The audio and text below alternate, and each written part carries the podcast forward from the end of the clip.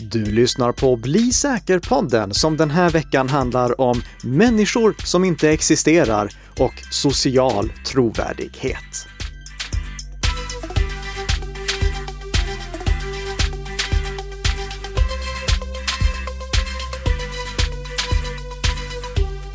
Ja, god morgon, god morgon kära lyssnare och välkomna till Bli säker-podden. Podden som gör dig lite säkrare för varje vecka som går och som produceras i samarbete mellan Nika Systems och Bredband2. Det är alltså en helt vanlig vecka, förutom en sak. Tess, var är du? Jag sitter i mitt sovrum. Varför är du inte här? Nej, men vi tar det säkra för det osäkra. Jag mår bra, men jag inväntar provsvar eh, ah. på ett coronatest helt enkelt. Okej, okay, så bara för att det är någon typ av pandemi så ska jag sitta ensam här i studion och ja, oh, okej, okay. ja, ja, jag får väl göra det då. Det måste jag säkert käka lunch ensam också. Hur som helst, eh, skönt att du i alla fall mår bra. Det är huvudsaken. Vi ska börja med lite uppföljning från förra veckan. För förra veckan då pratade vi om vårstädning och vikten av det och också hur Microsoft hjälpte till med vårstädningen. Jag eh, lyssnade den här veckan på eh, eh, podcasten Security Now som jag för övrigt kan rekommendera alla att lyssna på också. Och i den så berättade Steve Gibson, bara som av en slump, att Oracle har gjort någonting som jag tycker att är värt att hylla. Mm -hmm. Så jag skulle vilja börja det här avsnittet med att hylla Oracle. Okej. Okay. De har nämligen gjort som så att Eh, Oracle, det är de som ligger bakom Java. Och Java är ett fantastiskt programmeringsspråk, men det är också ett eh, operativsystemstillägg som har dragits med väldigt många sårbarheter genom åren. Det, det var egentligen framförallt Flash och Java som jag tjatade om i många, många år om att man skulle avinstallera ifall man inte behövde det. Och nu har Oracle alltså gjort så att om en användare inte har behövt använda Java på över sex månader och det kommer en säkerhetsuppdatering, då föreslår inte uppdateringsprogrammet att man ska uppdatera till den senaste versionen, utan istället göra precis det som förra avsnittet handlade om, nämligen avinstallera Java. De skriver så här, och nu har jag översatt det som står på engelska i eh, notisen. Det verkar som att du inte har använt Java på din dator de senaste sex månaderna. Vi rekommenderar att du avinstallerar det genom att klicka på avinstallationsknappen. Om du senare bestämmer dig för att du behöver Java kan du installera det på nytt från java.com. Om du vill behålla Java på din dator, vänligen klicka på uppdatera-knappen här under. Det låter som det är någonting som du hade kunnat skriva, Nika. Ja, det, alltså det, tack Oracle Helt rätt gjort. Det, Java är fantastiskt bra, men det är väldigt få som behöver ha Java operativsystemstillägget installerat på sina datorer numera. Så helt rätt gjort av Oracle här. Hatten av! Snyggt! Snyggt, mm. snyggt! Mm. Är det dags nu för veckans snabbisar då, Nicka? Det är det. Och du, vi ska hylla mer. Äh, vänta här nu. Vänta, vänta. Alla veckans snabbisar är positiva nyheter. Oh ja, det, det, det, hör inte till vanligheterna. Nej, en, en härlig start på dagen blir det här. Nej, nu tänkte jag nämligen ge lite beröm till Samsung. Jaså? Ja, för i poddavsnittet som vi gjorde med eh, Security Lifehacks, tror jag det var, där inledde jag med att berätta om att Samsung nu eh, förlänger hur länge de tänker underhålla sina mobiltelefoner. Någonting som vi har pratat mycket om i den här podden genom åren, att många Android-mobiltillverkare inte tar sitt ansvar på eh, fullaste allvar. Det som jag tyckte var lite jobbigt med Samsungs utlovade fyra år var faktumet att de inte lovade hur ofta de skulle komma med säkerhetsuppdateringar till sina mobiler. Men de har nu släppt ett gäng business editions av sina populära mobiltelefoner. Och en av deras mobiltelefoner har dessutom fått precis det som jag efterfrågar. Jag pratar om mobiltelefonen Samsung Galaxy A32 5G. Den finns nu i en version som heter Samsung Galaxy A32 5G Business Edition. Wow! Den mobiltelefonen utlovar de minst fyra år av säkerhetsuppdateringar till. Och lägg märke till att det är minst, inte upp till, utan minst fyra år. Och de garanterar att säkerhetsuppdateringarna kommer kvartalsvis. Och det var ju precis det som jag efterfrågade, en sådan garanti. Det är Så jättebra. Det här är, Ja, ja, visst är det. Och det här är alltså då den första Android-mobiltelefonen som inte kommer från eh, Google själva, som lever upp till de kraven som jag har. Alltså minst tre år av säkerhetsuppdateringar från det att mobiltelefonen släpps globalt och att de uppdateringarna kommer i minst kvartalsintervall. Mm. Mm. Sen har Samsung också släppt ett gäng andra business editions, till exempel deras flaggskepp Samsung Galaxy S21. Den finns nu i en version som heter Samsung Galaxy S21 5G Business Edition.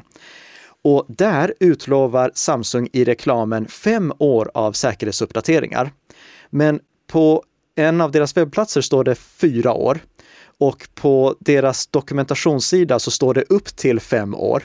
Så jag väntar fortfarande på svar från eh, Samsung gällande vad va, va, va är det här som egentligen gäller. Men mm. när det gäller just A32, där har de gjort helt rätt. Den finns i en business edition, den kostar typ 400 eh, kronor mer än originalversionen som inte är business edition. Och där är det minst fyra år av säkerhetsuppdateringar kvartalsvis. Samsung, ni har släppt en mobiltelefon som jag skulle kunna tänka mig att köpa. Mm. Wow, stort. Ja. Det är stort. Samsung har också registrerat en hel del av sina mobiltelefoner i Googles Android Enterprise Recommended-program som vi har pratat om tidigare.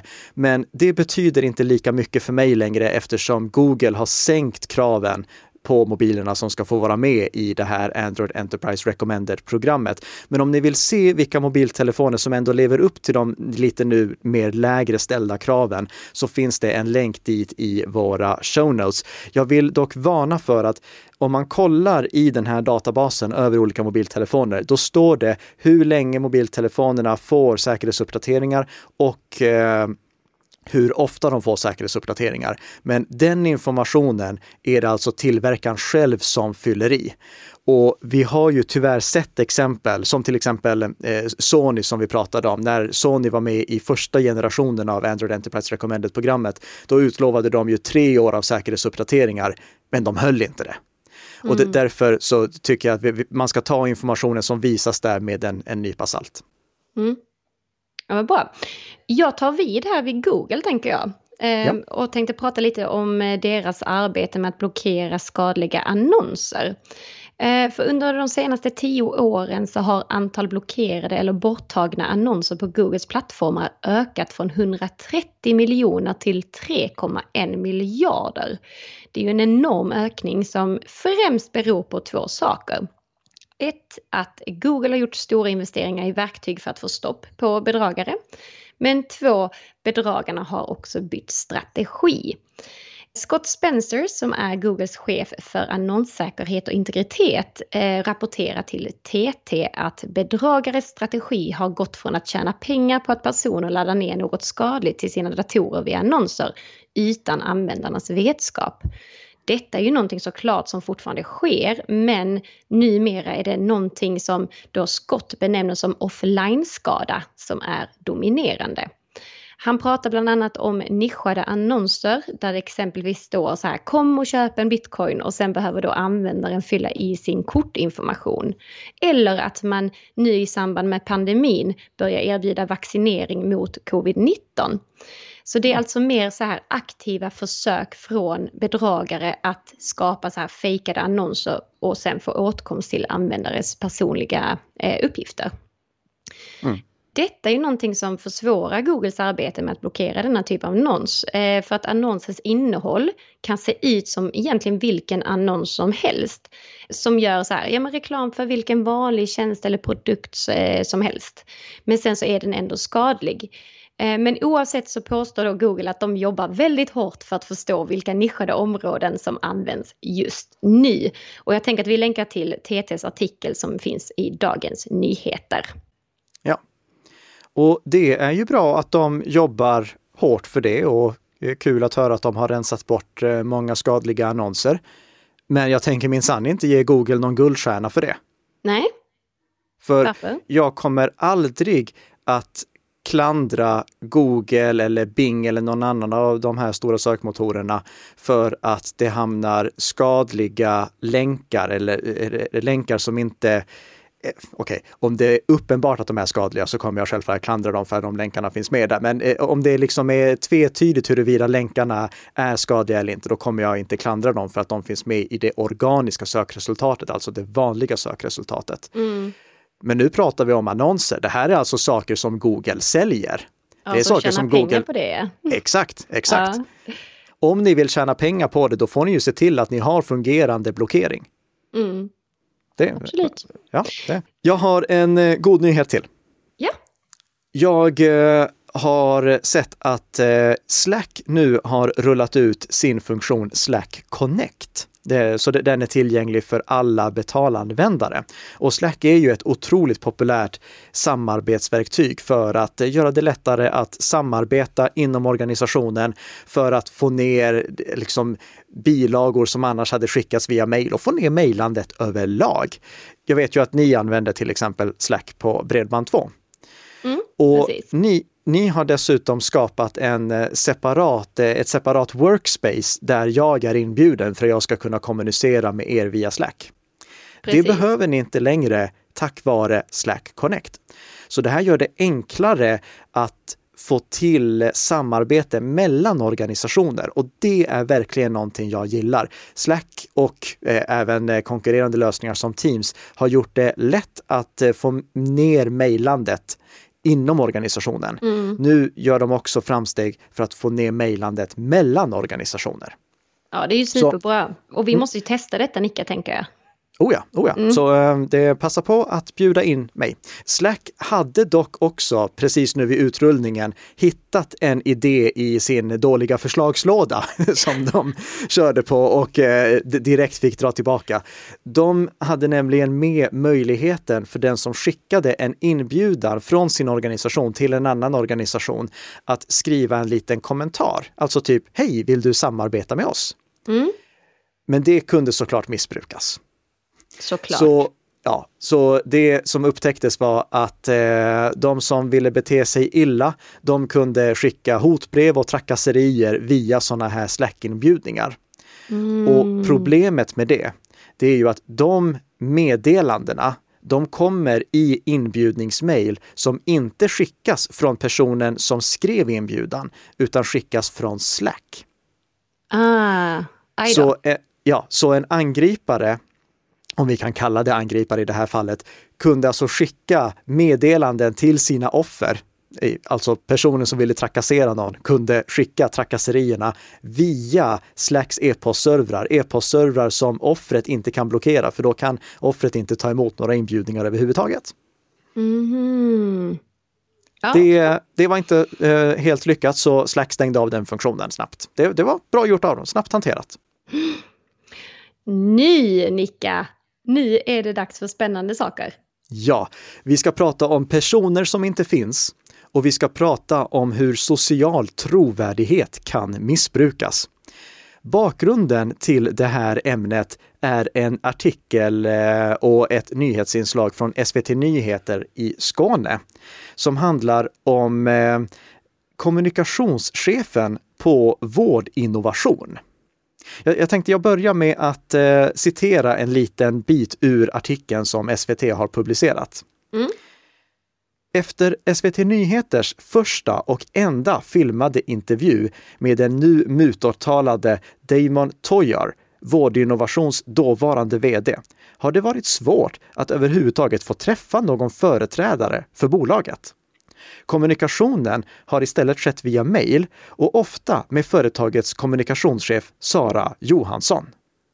Men när SVT ville träffa Sara Johansson uppgav hon på mejl att Vårdinnovation valt att endast kommunicera i skrift med er för att undvika missförstånd. SVT började tvivla på om Sara Johansson existerade. Det låter, det låter som ett riktigt spännande avsnitt. Alltså det ja. låter som en sån här krimserie.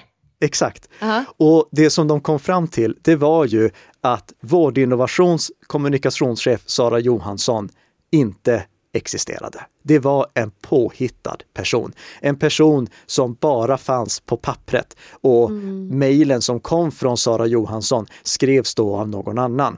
Det här är liksom ett typexempel på en organisation som vill inte vara, eller företrädarna för en organisation vågar inte vara publika utan de vill att eh, en eh, presstalesperson ska företräda dem och de har tagit det ett steg längre genom att hitta på presstalespersonen som då i det här fallet kallades Sara Johansson. Men visst fanns det också så här en, en LinkedIn-profil med Sara Exakt. Johansson då också? Exakt, det ja. var det som gav henne sån trovärdighet och jag återkommer till det problematiska för det är egentligen huvudanledningen till att jag vill lyfta det här. Mm. Men för att ge lite bakgrund också, den här personen, Sara Johansson, det var en person som hade en profilbild och vi har ju tidigare pratat om hur man i till exempel Google Chrome kan högerklicka på en bild och välja att bildsöka. Det är ett sätt som är väldigt effektivt för att uppmärksamma eller avslöja ifall en profilbild är stulen. Då kan man mm. se ifall den här bilden förekommer på jättemånga andra ställen. Det är så som jag till exempel brukar avslöja när eh, eh citat från kunder i själva verket bara är påhittade. Mm. Hade det funkat här då? Det hade inte funkat här, för mm. Sara Johansson var inte en person vars bild ens hade eh, Liksom det, det, var inte en bild av en riktig person, utan det var en bild som jag antar att var genererad av en sajt som thispersondoesnotexist.com eller någon motsvarande. Jag skulle rekommendera alla våra lyssnare att faktiskt gå in och kolla på thispersondoesnotexist.com, för då får de upp en bild på en person. Mm. Men den personen finns inte och har aldrig funnits. Ja, det, är så, det ser så äkta ut också. Och laddar ni om sidan, då dyker det upp en ny bild på en person som inte finns och aldrig har funnits, utan det är bara AI-genererade ansikten, alltså en dator som har genererat ansikten som ser äkta ut, men inte tillhör någon person. Mm. Och de hade troligtvis, antingen så hade de använt en sån tjänst för att generera profilbilden till eh, eh, Sara Johansson, eller så hade de tagit en bild som existerade men tweakat den så mycket, alltså typ flyttat ögonen lite och sånt för att eh, inte en Google-sökning skulle avslöja varifrån bilden var stulen. Mm det kan vara ganska svårt, alltså när, när, ni som lyssnar ser en sån här bild som är genererad av en eh, dator, det kan vara svårt att avslöja att den är äkta. Men det finns några saker som ibland, långt ifrån alltid, men som ibland avslöjar att det är en fejkad bild. New York Times har skrivit en artikel där de tipsar om några sådana saker och jag länkar till den artikeln också. De två sakerna ur den artikeln som jag tycker att är bra att ha koll på, det är till exempel örhängen. För om man genererar ett gäng bilder på den här sajten, då ser man ofta att örhängena inte alltid matchar. Mm. Och det kan ju vara ett stilistiskt tilltag, eller vad man ska säga. Ja, eh, men men det, det, det, kan också vara ett tecken på att bilden är fejk. Ja, det kanske beror lite på hur, hur det ser ut liksom också. Ja, det, mm. det, du och jag kollade ju på några bilder tillsammans här och det, mm. ibland så blir det ju fel eh, när, när, datorn genererar det. Eh, mm. Någonting som däremot inte är ett stilistiskt tilltag, det är när glasögonskalmarna inte stämmer överens. Så att skalmarna ser ut på, en, på ett sätt på ena sidan och på ett annat sätt på andra sidan. Vem vet, det kanske blir trendande nu alltså. Ja, det är ett alternativ till rocka sockorna, rocka skalmarna. Exakt. Men det hade inte hjälpt i det här fallet heller. Det hade inte kunnat avslöja Sara Johansson för att ifall de som låg bakom det här ville ha en trovärdig bild, då hade de ju bara genererat nya bilder tills de fick en bild där det inte fanns några fel. Mm, mm. Ja, så det är väldigt svårt att avslöja en sån bild med andra ord. Ja, och dessutom så hade Sara Johansson trovärdighet, för hon hade över 500 kontakter på LinkedIn. Och nu kommer vi till det som egentligen är uppmaningen i veckans avsnitt. Och det är att inte acceptera vänförfrågningar eller kontaktförfrågningar på LinkedIn från personer som ni inte känner. Jag vet att det finns jättemånga som tänker att ju fler kontakter jag har på LinkedIn, desto desto mer hype är jag, desto bättre är jag. Det, det, flest kontakter på LinkedIn när man dör vinner. Det är helt fel strategi att ha ur ett säkerhetsperspektiv. För som vi ser så finns det fake-profiler som bygger trovärdighet genom att ha kontakt med många andra. Och när jag får en kontaktförfrågan på LinkedIn, då ser jag ju hur många kontakter som vi har gemensamt. Det står till exempel att Sara Johansson vill ha kontakt med dig, ni har 30 gemensamma kontakter. Mm. Och då säger jag, okej, okay, men det är de här personerna i säkerhetsbranschen. Jag bör ändå inte acceptera den förfrågan om jag inte vet vem personen är. För i takt med att den personen får fler och fler kontakter så stärks trovärdigheten när han eller hon sen försöker få ytterligare fler kontakter. Och till slut så har den personen över 500 kontakter och ser ut som en riktig person. Bara det att ingen av de här kontakterna faktiskt har träffat den påhittade personen. Mm, just det. Sen kan det självfallet också vara tal om eh, fake-kontakter. Det är ju någonting som influencers eh, ibland ertappas med att de inte har riktiga följare, utan följarna är i själva verket bara påhittade personer som mm. eh, följer för att influencern ska kunna ta mer betalt för sina sponsrade inlägg. Men det, det, det, är egentligen en sak helt vid sidan om. Det jag vill varna för det är just det här med att risken finns att en bedragare, oavsett om det är en bedragare i sig eller om det är en bedragare som har hittat på en person, så kan de utnyttja kontakten som de har med dig för att stärka sin sociala trovärdighet. Och därför bör du vara restriktiv med att acceptera kontaktförfrågningar på LinkedIn.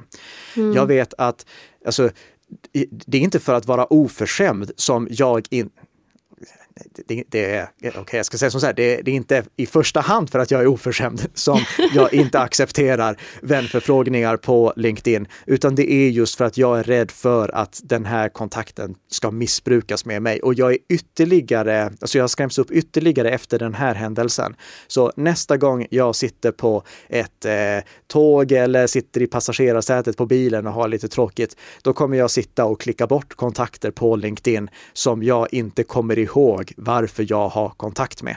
Mm. LinkedIn har samtidigt inte gjort det helt lätt för oss. För när du vill ha kontakt med någon på LinkedIn, då kan du bara skriva ett väldigt kort budskap. Ja, och det, det, händer ju ibland att någon vill ha kontakt med mig för att de vill alltså, köpa tjänster av mig eller någonting annat sånt. Mm. Och det är ju jättesvårt för mig att liksom, ska jag tacka nej till det här bara av ren princip? Men då hoppas jag att de som skriver är tydliga med det i de här få tecknen som de får skriva. För att annars så kommer jag bara att säga nej, jag vill inte ha kontakt med dig. Om jag inte känner personen såklart. Ja. Jag hade ju önskat att LinkedIn hade öppnat en möjlighet för personer som inte har kontakt med varandra att ändå skicka meddelande förfrågningar, alltså förfrågningar om att få kommunicera. Om vi tar mm. Facebook som exempel, där kan du ju skicka en meddelande förfrågan via Messenger. Och så kan den som eh, du vill ha kontakt med välja huruvida, du, personen ska, eller huruvida det ska besvaras eller inte. Samma sak med Twitter och där går det också att ställa in huruvida bara dina följare ska få eh, eller förlåt, bara personerna du följer ska få kontakta mm. dig eller inte. Men det finns inte på LinkedIn på samma sätt. Så där går det liksom inte att inleda en konversation ordentligt för att förklara varför man vill söka kontakt med personen i fråga.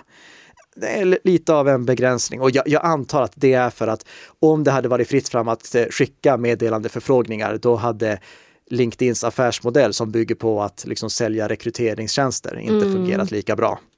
Men jag hoppas ändå att de kommer förbättra det, för just nu är det jättesvårt att ta kontakt med personer som man inte känner på LinkedIn utan att riskera att missbrukas i den här typen av situationer. Mm. Ja, spännande. Så, att, så för att eh, så här, summera det här då så är det att du ska kanske gå igenom din lista nu då också. Vad du oh ja. har för mm. kontakter och ta bort vissa mm. eh, som du inte känner, eh, känner till eh, egentligen. Och att inte då vara väldigt restriktiv med vilka du accepterar eh, vänförfrågningar från. Bra summerat. Härligt. Härligt, härligt. Hinner vi med en veckans lyssnarfråga idag, Nika? Ja då, det gör vi. Vad trevligt. Det var länge sedan. Ja. Eh, vi har fått en lyssnarfråga från eh, Andreas och han frågar följande. Hej! Jag provade nyligen mailtjänsten Hej och fick då lära mig att det finns något som heter SpyPixel. Avsändaren gömmer en pixel i en bild i ett mail och kan då se när jag öppnar mejlet. Mitt IP-nummer och lite annat. Bör man vara orolig? Jag tycker inte du behöver vara orolig, men du ska vara medveten om det. Det, det är egentligen det som jag vill säga. Mm. Och en sån här spårningspixel, det är jättevanligt i nyhetsbrev. Till och med Bli säker nyhetsbrevet som jag skickar ut har en spårningspixel i sig. Och jag värnar verkligen om mina eh, läsares integritet. Hoppas jag att ni tycker också. Eh, så jag ska förklara varför den faktiskt finns där, även om det inte var just vårt nyhetsbrev som eh, eh Andreas refererade till i exemplet som han tog lite senare. Men hur som helst. En spårningspixel, det är egentligen bara en liten, liten bild. Om du som nyhetsbrevsläsare får ett mejl som innehåller bilder, då kan du i moderna e-postklienter välja om du vill visa bilderna eller inte visa bilderna. Och anledningen till att du kan välja det, det är att om du väljer att visa bilderna, då hämtas de från den nyhetsbrevstjänstens server. Och det går aldrig att hämta någonting utan att visa sin IP-adress. I, I alla fall om man inte använder en VPN-tjänst. Men när det gäller den här spårningspixeln, då visar man alltid vem man är. För till skillnad från de övriga bilderna i ett nyhetsbrev så är spårningspixeln unikt genererad för varje mejl som skickas ut. Det vill säga att det är en unik bild för varje mottagare. Så jag kan tack vare den här spårningspixeln se när en mottagare öppnar ett nyhetsbrev som vi skickar ut. Mm. Är det integritetskränkande? Jag tycker personligen inte det och jag är tydlig med det på vår nyhetsbrevsida att vi gör det. Och anledningen till att vi gör det, det är inte för att hålla koll på våra nyhetsbrevsläsare. Till exempel, vi spårar inte vem som klickar eh, på olika artiklar. Jag ser inte vem som klickar på olika artiklar, vilket är jättevanligt när det kommer till nyhetsbrev. Men spårningspixeln finns där och det är för att kunna felsöka vid problem. Mm -hmm. I och med att vi inte ser när någon klickar på länkar så har vi annars ingen koll på om leveransen av nyhetsbrev fungerar som den ska. Så vi har spårningspixeln där för att kunna se att faktiskt våra mejl kommer fram. Vi vet ju att mejl är ett väldigt osäkert kommunikationssätt. Och om det skulle vara så att det plötsligt är bara hälften som öppnar våra nyhetsbrev, då vet vi att okej, okay, nu är det något skräppostfilter som ställer till problem. Då måste vi börja felsöka det. Därför har vi spårningspixeln där. Men om man som användare inte vill avslöja den informationen för vare sig oss eller för någon annan nyhetsbrevstjänst, då ska man bara välja att inte läsa in bilder. Och här måste man egentligen välja att inte läsa in några bilder överhuvudtaget. Dels för att det är den funktionen som finns i moderna e-posttjänster och dels för att spårningspixeln behöver inte nödvändigtvis vara en en gånger en stor pixel. Det kan vara vilken bild som helst i nyhetsbrevet som skickas. Så det, då får man välja att läsa nyhetsbrevet utan att visa eh, visa bilder. Mm. Det räcker inte heller att bara ha en VPN påslagen, för även om man då döljer sin IP-adress så ser den som har skickat mejlet att den här unika spårningspixelhämtningen har gjort. Och det kopplas då till e-postadressen. Så den som skickar mejlet kan ändå se vem det var som öppnade mejlet. Är det någonting man behöver vara orolig för? Nej, men man ska vara medveten om det och om man inte vill bli spårad på det sättet, då tar man helt enkelt bara och inte visar bilder. Mm. Härligt, hoppas vi att Andreas är, är nöjd med det svaret. Det hoppas vi och vi hoppas att ni lyssnare är nöjda med veckans avsnitt av Bli säker-podden. Om ni inte var riktigt nöjda, då kan ni vara lugna för ni får ett nytt avsnitt nästa vecka igen. Var ni nöjda, lämna jättegärna en recension på Apple Podcast så blir vi riktigt glada här. Tack så mycket för att ni hänger med oss varje vecka och på återhörande. Hej då! Hej då!